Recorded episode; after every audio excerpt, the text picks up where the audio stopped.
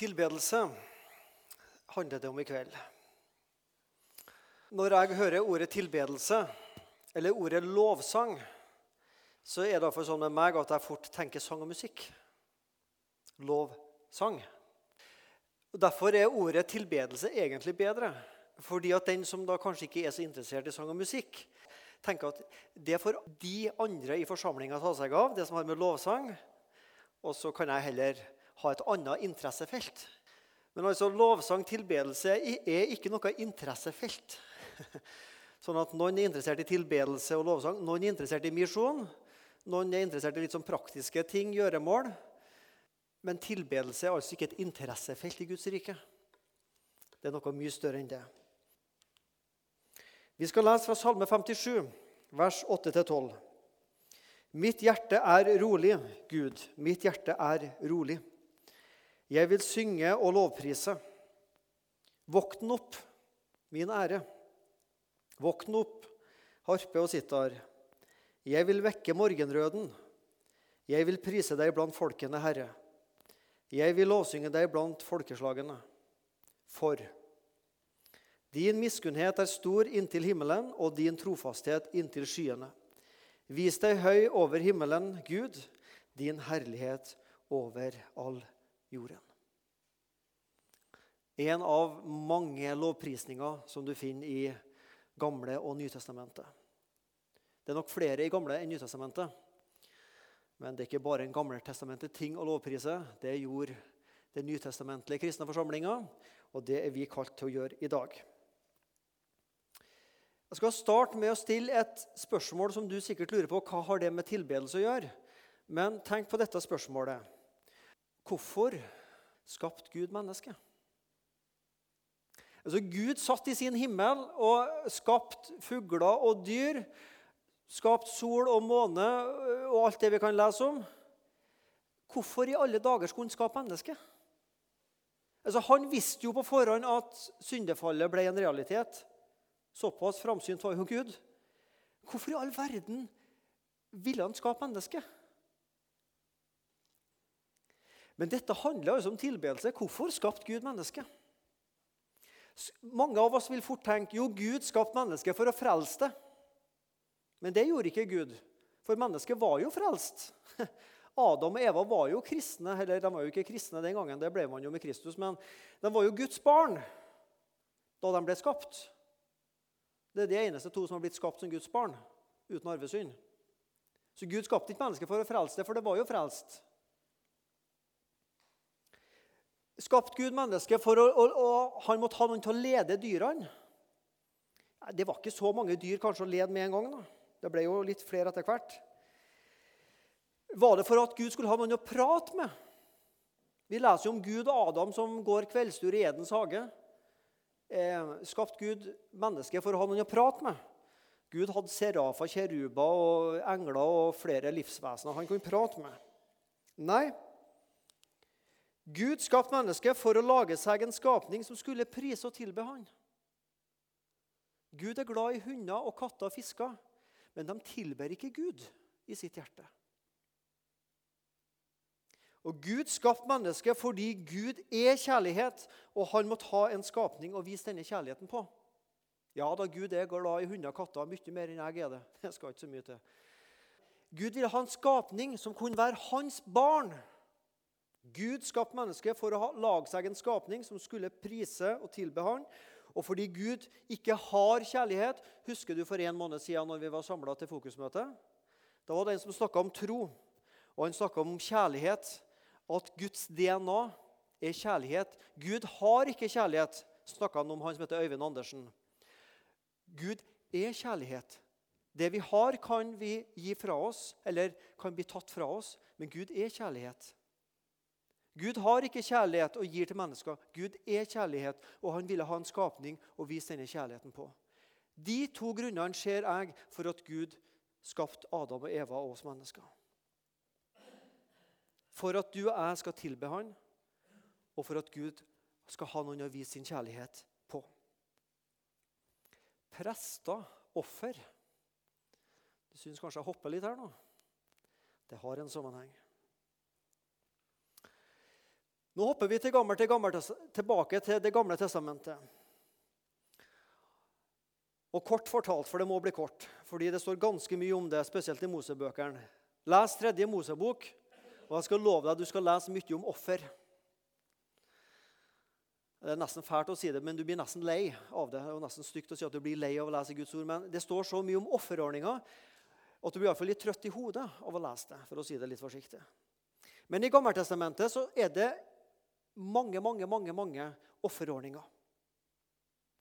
Sonoffer, takkoffer, daglige offer, ukentlige offer.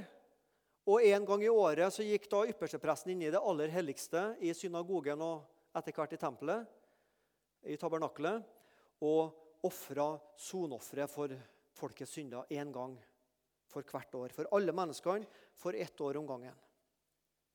På vegne av folket.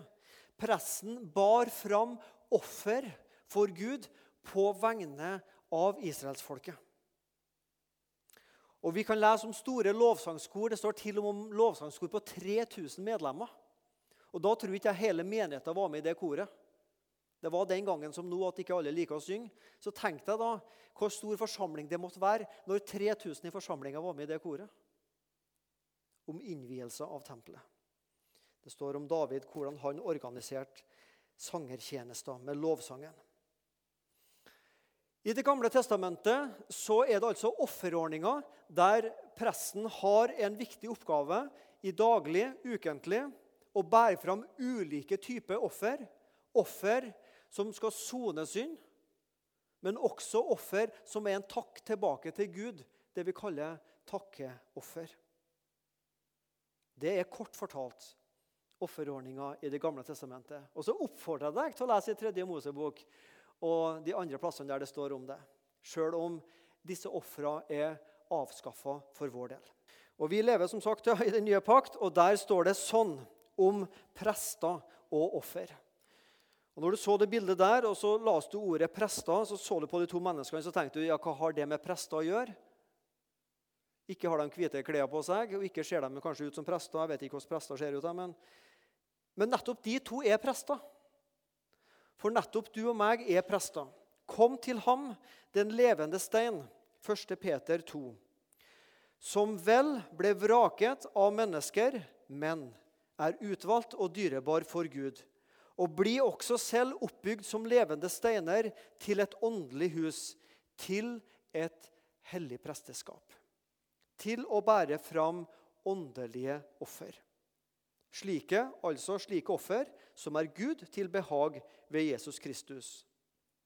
Men dere, kristne, er en utvalgt ett, et kongelig presteskap et hellig folk, et folk til eiendom, altså Guds eiendom, for at dere skal forkynne Hans storverk, Hans storhet, Han som kalte dere fra mørket til sitt underfulle lys. Hellig presteskap, åndelig offer, kongelig presteskap for å forkynne Guds storverk, Guds storhet. Det er disse versene som vi i vår misjon nå er veldig glad i å kalle det alminnelige prestedømmet. Og det er en flott sak. Du som er en kristen, vi er alle prester for Gud. Uansett hvor myk eller lite kristen du føler deg, hvor mye eller hvor lite du kan om offer og om Bibelen, og hvor mye eller lite teologi du kan, så er du en prest, så fremt du er Jesus Kristus. Og nå har det et poeng med at jeg starter i Det gamle testamentet. For som prestene i Det gamle testamentet hadde noen oppgaver, slik har også vi det i den nye pakt. Prestene i den gamle pakt skulle bære fram syndeofre som skulle sone synd. Den oppgaven har ikke du og jeg. For den oppgaven bar ypperstepresten Jesus fram én gang for alle mennesker, for all synd, for alltid på korset. Så du og jeg er ikke noen offerprester i den betydning at vi skal bære fram noe syndeoffer som skal sone synd. Det offeret er båret fram. Den andre oppgaven en prest hadde, det var å forkynne. Han skulle bære fram offer, og han skulle forkynne. Johannes' åpenbaring 1, vers 5 og 6. Jesus Kristus, det troverdige vitne, den førstefødte av de døde og herskeren over kongene på jorden. Han som elsker oss og løste oss fra våre synder med sitt blod. Der ser du. Han bar fram syndeofre som skal sone synda. Og som gjorde oss til et kongerike, til prester for sin far. Ham være æren og makten i all evighet. Amen. Her ser vi at Jesus er presten som bærer fram syndeofre for å sone synd. Men han har gjort alle kristne til prester for Gud. Og som en prest for Gud så har vi to oppgaver.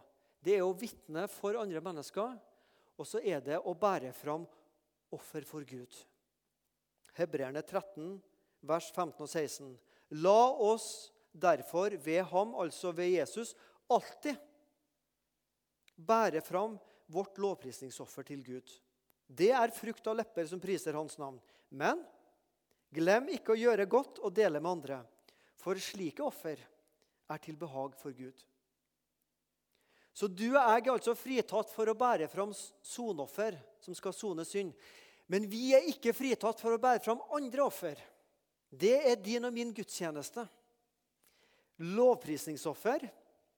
Og så er det så godt å lovprise Gud at jeg kan tenke ah, det er så godt å lovprise Gud og takke Han. Så når jeg har gjort det, så har jeg gjort min tjeneste for Gud, så da gidder ikke jeg å gjøre mer.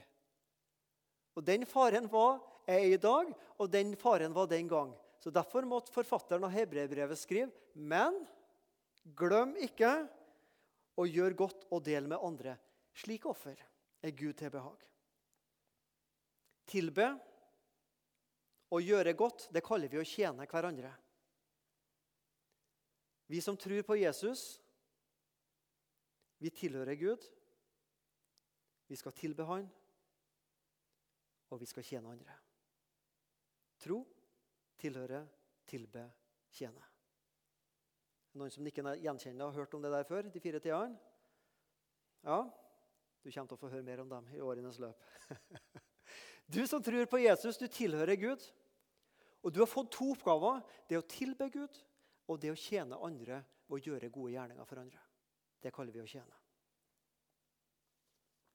Jesus er vårt sonoffer. Alle kristne skal vi vitne om offeret og tjene, og så skal vi tilbe Gud. Inntrykk, uttrykk. Når du og jeg opplever noe flott i livet, ja, ikke bare når vi opplever en fin ting, men når vi har fått et inntrykk av noe, så forteller vi om det. Spesielt hvis vi har opplevd og sett noe fint, så forteller vi om det. Hva gjør vi når vi kommer hjem fra Tyrkia eller Syden eller vi har vært på en flott ferie en annen plass i landet i Norge? Jo, så forteller vi gjerne om det. Og Det var så mye fint å se, og det var så flott arkitektur, og det var sånn, og det var så flotte handlesenter. Og så forteller vi om alt vi har sett og opplevd. Du har fått en bra karakter, du som er student. Å, da har vi så lyst til å fortelle om det. Kanskje fikk vi en forfremmelse på jobben og fikk lyst til å fortelle om det også. Du har sett noe fint, og så forteller vi om det. Selvfølgelig ikke i dag, men da jeg var atskillig yngre, så fortalte jeg til andre kamerater når jeg ser det er pen dame. Men jeg gjør jo ikke sånn i dag. Kjære folk, jeg er jo blitt voksen etter hvert. Men når vi har sett og opplevd et flott inntrykk, så forteller vi om det til andre. Og så var det en psykolog en gang som sa dette uttrykket her. Inntrykk som ikke får uttrykk, skaper enten nedtrykk eller opptrykk. Spesielt hvis man har opplevd og sett noe traumatisk, krigsopplevelser, barn som har opplevd krigstraumer. Hvis de ikke får gitt uttrykk for det og får, får fortalt om det, så setter det seg fast i kroppen. Det hermetiserer seg. Og så går det på psyken. Og så blir det det som ofte kalles psykosomatiske ting. Det setter seg også i kroppen og gjør kroppslige utslag. Jeg kan ikke så mye om det der. Lærte ikke så mye om det i teologien, men sykepleiere og psykologer og sånn kan mer om de tinga der. Og så er vi litt forskjellige. Jo, vi er forskjellige som mann og damer. For oss menn, hvis vi har opplevd noe sterkt og ikke får gitt uttrykk for det, så får vi vondt i magen. Mens damene helst får vondt i hodet. Så vi, Mennene har nok en tendens å trykke det ned i magen og få vondt i magen. Den ekle følelsen, Mens damene trykker det opp i hodet og får hodepine. Og jeg tror Denne sannheten fra psykologiens verden er også sann i kristenlivet vårt og vår vitnetjeneste. Inntrykk når vi har fått sett Jesus, når du har fått sett det Hvis du da ikke får gitt uttrykk for det og vitne om det til andre mennesker, eller priser Gud for det, så skaper det enten nedtrykk eller opptrykk. Aha, hvordan skal vi tolke nedtrykk og opptrykk? Kanskje hvis vi trykker ting ned, det som er uviktig, det som vi glemmer, det trykker vi ned. Og så gjør det litt vondt. Vi skjemmes over å tro på Jesus, men vi tør ikke å fortelle om det og vitne om det. Så skjemmes vi litt, og så gjør det litt vondt innvendig. Da har vi trykka det ned, eller vi trykker det opp. Og så blir hele kristentroa noe sånn teoretisk tanketing. Og ingenting vi gir også følelsesmessig uttrykk for. For tilbedelse handler også litt om følelser. Vi kan ikke la være å tale om det vi har hørt og sett, sa de første kristne. Og jeg håper at du sier ja og amen til det bibelordet. Ha meg unnskyldt uttrykket jeg nå sier, men jeg kan forbaska godt tie med det jeg har sett og opplevd. Det er sannheten om meg. Og kanskje er ikke jeg alene her i salen. Vi kan ikke la være å tale til andre mennesker og vitne, eller tale til Gud og tilbe om det vi har sett og hørt. Inntrykk du har fått sett Jesus, du har fått sett den på korset, du har fått sett den oppstandende Jesus, du har fått sett at den lever i dag. Og så tier jeg. Og så kommer ikke et vitnesbyrd ut av min munn, og så kommer ikke en takk og en tilbedelse til Jesus engang. Ordparet aksjon, reaksjon. Agere, handle. Gud har handla i tiden. Han har gjort noe i tiden. Han har sendt sin sønn til soning for deg og meg. Og når jeg får se det, så skaper den aksjonen en reaksjon hos deg og meg. Det burde iallfall ha gjort det. Et vitnesbyrd og en takk og en tilbedelse. Prøv å tenke på følgende måte. Et vitnesbyrd det handler om å male et fint bilde av det du har sett hos Jesus. Og prøv å male Jesus for andre mennesker. Slik som Paulus for galaterne ville male Jesus Kristus som den korsfestede. Prøv med dine enkle ord og mal et bilde for andre mennesker hva du har sett hos Jesus. Jeg forstår ikke alt med det der med kristendom og Jesus. og og Jeg har kalt meg kristen i mange år, og det er mye jeg ikke skjønner. Men jeg har lyst til å fortelle litt om det jeg tror på. Jeg har lyst til å fortelle litt om Jesus og hva han betyr for meg. Og så sier du litt om det. Da maler du et bilde for andre mennesker om Jesus. Nå hopper vi til Gammeltestamentet. Salme 45, vers 2-3. For mange år siden så hørte jeg Carola sang en sang som gikk sånn Mitt hjerte strømmer over av gode ord. Og Med min lutherske teologi, teologiske tankegang så tenkte jeg mitt hjerte strømmer over av gode ord. Jaha, fra mitt hjerte så kommer det synd. Det hørtes litt lite luthersk ut, syns jeg. Helt fram til jeg innså at det der var jo bibelsk. Så da tenkte jeg, da håper jeg faktisk det luthersk også. For det står jo i Salme 45. mitt hjerte strømmer over av livlig tale eller av fine ord. Jeg sier, min sang er om en konge, min tunge er en hurtigskrivers griffel. Du er den fagreste av alle menneskers barn. Nåde er utgitt på dine lepper. Derfor har Gud velsignet deg for evig. Tenk om det kunne være sånn fra din og min munn at det strømma ut livlig, god tale om vår konge. Hvem han er. Du, Gud, du Jesus, du er den fineste, du er den fagreste på denne jord. Det er en kjærlighetssang, dette her, til kongen. Og Jesus som Kristus, som er din og min konge, skulle vi synge og si våre kjærlighetssanger til. Det er hjertespråket du leser her. Tilbedelse. Du er en prest som skal bære fram åndelige offer, også lovprisningsofre for Gud. De inntrykkene du har fått av Jesus, skal vi vitne om, og vi skal tilbe Jesus for det. Og takke han som en reaksjon på Guds aksjon, på Guds redningsaksjon for oss. Så kommer reaksjonen tilbake. Nå skal du få noen praktiske steg mot tilbedelse og lovprisning. For nå har jeg snakka en del om at du og jeg som kristne bør tilbe. Og det er vi predikanter flinke til å preke. At du må tilbe, at du må lese i Bibelen, at du må gi til misjon, at du må be. At du må være med i et kristent fellesskap. Ikke sant? Ja, men hvordan? Du skal få noen praktiske tips nå når det gjelder tilbedelse. Tid. Sett av tid til å tilbe. Ja, men Blir det litt sånn mekanisk da, hvis jeg liksom skal fra klokka ti over halv åtte til klokka ti på åtte hver kveld? når NRK-nyhetene er ferdig, de ti minutter, da tilber jeg. Ja, Hvis det blir bare en sånn mekanikk at liksom, det er de ti minutter, da skal jeg tilbe. Da blir det feil. For tilbedelse er noe vi skal bære med oss hjertet hele dagen. Men det å sette av tid til bønn og tilbedelse, det tror jeg du og jeg har godt av. Å få et rom i vårt liv hver dag, i vårt døgn, der vi setter av tid med Gud. Når på døgnet bør du tilbe?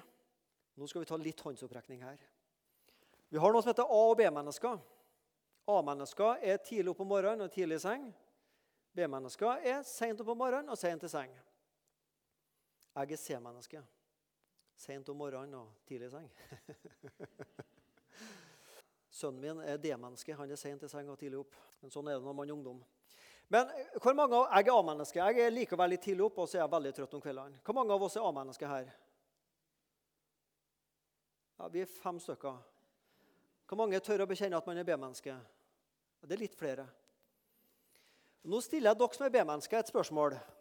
For jeg har en følelse at mange B-mennesker tror at det å være B-menneske er altså ikke BD-menneske, men sånn B-menneske, det er litt, litt mindre åndelig enn å være A-menneske. Skal man være åndelig, skal man helst være A-menneske litt sånn opp tidlig om morgenen. og jodel day, og så har vi tid med Gud. Det er åndelig. Men hvis vi er B-mennesker og sover litt lenger utpå, det er ikke så åndelig. Når var det Jesus ba?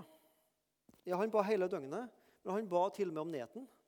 Det makter ikke jeg, for jeg blir så tidlig trøtt. Men mange av dere vil sikkert makte å be om natta. hvis dere klarer det. Når på døgnet er det mest åndelig å be? Det er den tida på døgnet når du er mest opplagt. Så enkelt. Det er ingen tidspunkt på døgnet som er mer åndelig enn andre tidspunkt. Halv åtte på kvelden eller elleve søndag formiddag er ikke mer hellig tidspunkt enn ellers i uka. Når på døgnet bør du ha ei bønnestund med Gud å tilbe? Det er når du er opplagt. Når det passer best for deg. Når det er minst forstyrrelser i din dag. Sett av tid. Sted her er skrevet 'lønnkammeret' og 'i fellesskapet'. Ordet 'lønnkammer' det skaper fort feil assosiasjoner hos oss. For vi tenker et kammer, et rom der vi får lønn. Når jeg går inn der og ber, så vil Gud lønne meg. Det er et lønnkammer. Men ordet lønn kommer altså ikke av betaling, men av eh, det gammelnorske ordet 'å laune', som betyr å skjule. Laun betyr skjult, og kamera fotoapparat, et lite rom. Det er et lite, skjult rom der jeg med Jesus alene er. Da er det hugna å leve her. ikke sant? Et lønnkammer. Og Det lønnkammeret det kan være godstolen. Det kan være på hybelen din, ved skrivepulten. Ti minutter, et kvarter før du begynner på dagens lekser. Det kan være i bilen på vei til arbeid. Skru av radioen, ha en kvarter, 20 minutter. Det er så mye kø for tida, så da får du jo bedre tida til arbeid vet du, til å, å tilbe Gud. Eller kanskje når du tar en gåtur i nærmiljøet der du bor. Det kan være ditt lønnkammer, der du med Jesus alene er. Og så skal vi tilbe også i fellesskapet. Syns du det er lettest å tilbe når du er alene, eller når du ber med flere? Jeg er blant dem som syns det er lettest å tilbe når vi er flere sammen. Da holder jeg meg litt mer våken. Det vil si når de andre ber, så må jeg jo skjerpe meg litt og konsentrere meg litt for å høre hva de sier. Og når jeg sjøl ber, så må jeg jo passe på at jeg ikke sovner. Det ville jo vært rimelig flaut. Da holder jeg meg litt mer konsentrert. Men noen liker best å be alene. Men jeg syns det er noe flott med fellesskapet å be sammen flere. Og så har vi en litt sånn rar norsk tankegang. Lønnkammeret det er mitt private bønnehelsestudio. Der skal jeg trene meg opp i bønn. Og når jeg har blitt flink nok å be, så skal jeg ut i fellesskapet og be med de andre. Da jeg var ny som kristen, 15-16 år gammel gutt, så ble jeg med i noe så gammeldags som heter Misjonsforening. der jeg er fra, Med 50-, 60- og 70-åringer. Han var voldsomt gammel på den tida. 50-åringene. De er ikke så gamle i dag. Men jeg, jeg, var 15 år og ble med altså i misjonsforening. Og jeg hørte på disse gamle 50-åringene hvordan de ba. Og jeg tenkte når jeg blir så gammel, om mange mange, mange år, eller når jeg får trena nok hjemme, så skal jeg komme tilbake i Misjonsforeninga. Så skal jeg også be de fine ordene der. Så da skulle vi hjem på lønnkammeret og trene oss og be. Og så skulle vi i fellesskapet og be for å imponere. Ja, Det er ikke så mye lønn med det, sier Jesus. Nei, den bibelske tankegangen det er fra fellesskapet til lønnkammeret. Vi kommer sammen i et stort fellesskap, og så hører vi hvordan andre ber. Og så blir vi så inspirert i bønnelivet at vi går hjem og ber. Og så synger vi sammen kristne sanger, og så blir vi så inspirert av å synge sammen at vi går hjem og synger. Hjemmeplassen skal ikke være et treningssted for fellesskapet. Men i fellesskapet skal vi bli så tent for Jesus at vi tar med oss det når vi kommer hjem. Den veien er den bibelske veien. For det tredje uttrykk følelser. Jeg elsker deg. De vi omgir oss som vi er glad i, sier vi jo av og til 'Jeg er glad i deg. Jeg elsker deg'. Har du sagt det til Jesus? 'Jeg elsker deg, Jesus'. Jeg er så glad i deg, Jesus. Jeg setter så stor pris på deg, Jesus. Jeg husker første gangen jeg opplevde at noen ba sånn. Det tok meg, Jeg ble helt satt ut. Wow. Det var til og med en som hadde vært eh, hallik, så ble han kristen. Og Så kom han da inn på et bønnemøte jeg var med på. Og begynte altså, Jeg var jo vant til å be disse fine, flotte teologiske flosklene som skulle imponere. da. Og Han begynte altså med sitt hverdagslige, enkle språk å fortelle Jesus hvor glad han var i Jesus, hvor stor pris han satte på Jesus for alt Jesus har gjort for ham. Og Det inntrykket som er snart 25-30 år gammelt, det sitter ennå i meg. Et menneske som elska Jesus, og som ba det høyt, ikke for å imponere, men for å fortelle at her er jeg som elsker Jesus Kristus. Kanskje noen av oss trenger å øve oss i det å si det. 'Jeg elsker deg, Jesus'. Si det høyt, sånn at du hører deg sjøl si det. Uttrykk følelser. For når vi blir personlige med våre følelser, så fører det til ærlighet. Da er Gud og jeg sammen alene. Og da må vi legge av hykleriet, og vi må mene det vi sier. Så er det ikke sikkert du kjenner alle ganger at du er like glad i Jesus, og at du kanskje noen ganger er skuffa over Jesus. Ja, men så si det, da. Det har også bibelske personer sagt, bl.a. Jeremia og flere andre. Er noen glad til sinns, la ham lovsynge, står det i Jakobs brev. Er du glad, ja, så uttrykk de følelsene ved å lovsynge Gud. Har du negative følelser, så rop om hjelp og be. Ja, ja, kristendom det bygger jo ikke på følelser. Nei, det gjør det jo ikke. Hvis mitt gudsliv, hvis mitt forhold til Jesus skulle bygge på følelser, da har det gått opp, og så har det gått ned. Men Guds ord står fast. Så ditt og mitt gudsforhold kan aldri bygge på følelser. Nå kommer han sikkert til å si et 'men', tenker du. Ja, riktig, jeg gjør det. Men. Det var noe rart da, hvis jeg skulle leve sammen med Jesus i 10-20-30 år og aldri kjenne en positiv følelse for Jesus. Det var noe rart hvis du i et ekteskap har levd mange år sammen med den du er glad i, og aldri har kjent på en god følelse over den du er gift med. Selvfølgelig gjør du og jeg det, og sånn også med Jesus. Å uttrykke følelser. Si hvordan du har det. Det kristne budskapet bygger ikke på følelser, men det kristne budskapet det skaper også følelser. For det fjerde, og nå er vi på oppløpssida, fokuser på Guds egenskaper. Hva skal jeg tilbe, da? liksom? Jeg vet hva jeg skal be om. Jeg vil be om mer penger, jeg vil be om et godt hus, jeg vil be om sånn og sånn. og sånn og sånn. og sånn. Ja, det, det, det skjønner vi oss på hva vi skal be om. ikke sant? Vi trenger ikke noe opplæring i det. Det vet vi. Men, men hva skal jeg tilbe, da? Liksom, hva skal jeg si til Jesus? Jeg kan ikke liksom sitte i ti minutter og si 'jeg elsker det'. Jeg elsker det. Jeg elsker det. Jeg må liksom si noe mer òg. Fokuser på Guds egenskaper. Gud er allmektig. Gud er allestedsnærværende. Gud er allvitende. Pris Gud for at han er allvitende. Han vet alt om deg og meg, og likevel så elsker han oss. Han er allestedsnærværende. Han kan være også i ditt lønnkammer. Han er nådig, han er hellig, han er trofast, han er barmhjertig, han er kjærlig, han er tålmodig. Og gjerne fokuser på de egenskapene med Gud som du trenger mest for tida. Hvis du kjenner at synda tynger deg veldig mye, og du kjenner at Gud nå trenger ekstra mye av din nåde, og erfarer av din nåde, så pris Gud for at han er nådig. Så vil du også erfare Guds nåde i ditt liv.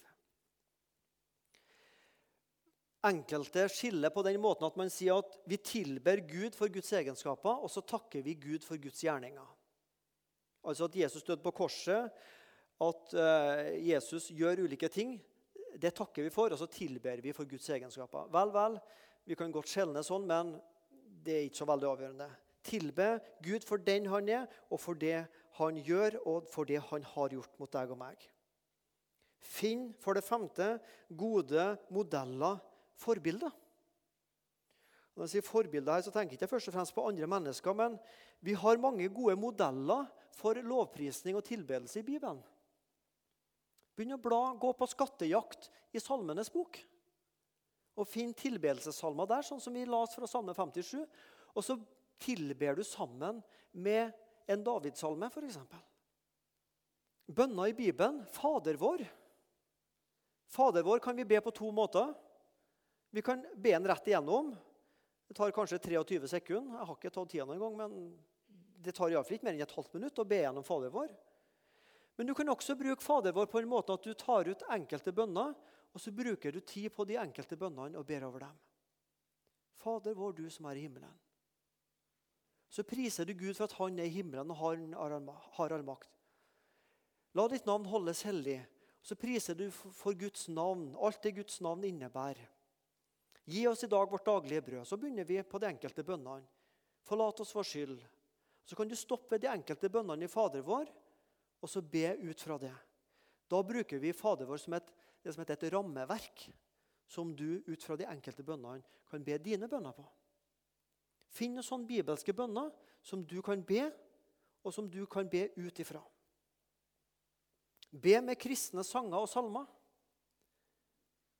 Jeg har oppdaga gjennom året at det er mye godt åndelig stoff i den gode, gamle blå sangboka eller i moderne sangbøker, om det så er. Jesus din søte forening og smake. Å be den sangen er fantastisk. Salige visshet. Jesus er min. Og så bytter jeg ut han med du. Salige visshet. Jesus er min. Du er min hyrde. Kaller meg din. Salige visshet. Allting er vel. Jesus har frelst meg, legem og sjel. Du er min hyrde, du er min sang. Deg vil jeg prise livsdagen lang. Og så gjør du disse sangene til dine bønnesanger. Gå på skattejakt i sangboka, salmebok og andre sangbøker og finn noen gode forbilder for tilbedelse. Lytt til kristne lovsanger når du sitter i byen og det er bare dårlige nyheter på lokalsendinga. Så setter du på en god kristen lovsang-CD, og så synger du med. vet du. Og gaper opp og kjører på motorveien. og så kanskje en dag du kjører på motorveien, så kjører du forbi. Nei, der er Morris Hva sier Han sitter og gaper i bilen for tida. Og så ler du av han, og så kikker han bort på deg en annen dag, og så ler kanskje han av deg hvordan du gaper i bilen. Og så er vi med å synge og lovprise. Bruk de mulighetene som hverdagen gir oss. Nå skal vi be Salme 57 sammen igjen. Og Legg merke til at denne gangen så har jeg satt strek under to ord 'jeg vil', 'jeg vil', 'jeg vil'. Fire ganger. Fordi tilbedelse er et valg. Det er ikke sånn at en dag så våkner du opp en morgen og så kjenner du nå er jeg fullt av tilbedelse. Jo, du kan kjenne det, men tilbedelse er et valg jeg tar. Jeg vil tilbe. Jeg vil prise Gud. Jeg vil opphøye Han. Og så har jeg en grunn for det. Og det er så flott med Salme 57. For Her er begrunnelsen. For din miskunnhet er stor. Din trofasthet er stor. Derfor vil jeg tilbe Gud, for han er stor, og hans nåde varer, og miskunn varer til evig tid. Skal vi tilbe sammen og lese disse versene sammen? Mitt hjerte er rolig, Gud. Mitt hjerte er rolig. Bli med. Jeg vil synge og lovprise. Våkn opp, min ære. Våkn opp, harpe og sitar. Jeg vil vekke morgenrøden. Jeg vil prise deg blant folkene, Herre. Jeg vil lovsynge deg blant folkeslagene. For din miskunnhet er stor inntil himmelen, og din trofasthet inntil skyene. Vis deg høy over himmelen, Gud, din herlighet over all jorden. La oss fortsette å be. Kjære Jesus, vi elsker deg fordi du elsker oss først. Herre, fordi jeg fikk har fått sett deg, hvem du er, Jesus, og hva du har gjort for meg, så vil jeg tilbe deg tilbake. Og jeg ønsker gjerne også å vitne mye mer enn jeg tør, Jesus. Herre, så er vi samla her, og jeg ber Jesus at alle vi som sitter her, skal kjenne deg i hjertet, sånn at vi er et folk som tilber og priser deg. Og så vet du alle, i alle fall mine tanker og alt det som jeg ønsker meg av ting, og hva jeg er opptatt av i hverdagen. Og Det gjelder meg og mine og mitt og ting og tang, Jesus. Og så ber jeg Jesus om at du må røre med mitt hjerte, sånn at jeg kan få se mer av deg. Og at jeg kan få øynene opp og få øynene festa på deg, Jesus. Min frelser og forsoner. At jeg kan få se øynene festa på korset og i oppstandelser. At jeg har en levende frelser som har sona min synd. Og at dette blir så bra, og at jeg kan få se hvor bra det er for meg, Jesus, at jeg tilber deg tilbake og vitner om det. Og at det i denne salen går ut mennesker fylt av deg, Jesus, og fylt av Den hellige ånd, som priser og tilber deg, og som vitner om deg, Jesus, for andre mennesker. Herre, kom og fyll oss ved din ånd. Amen.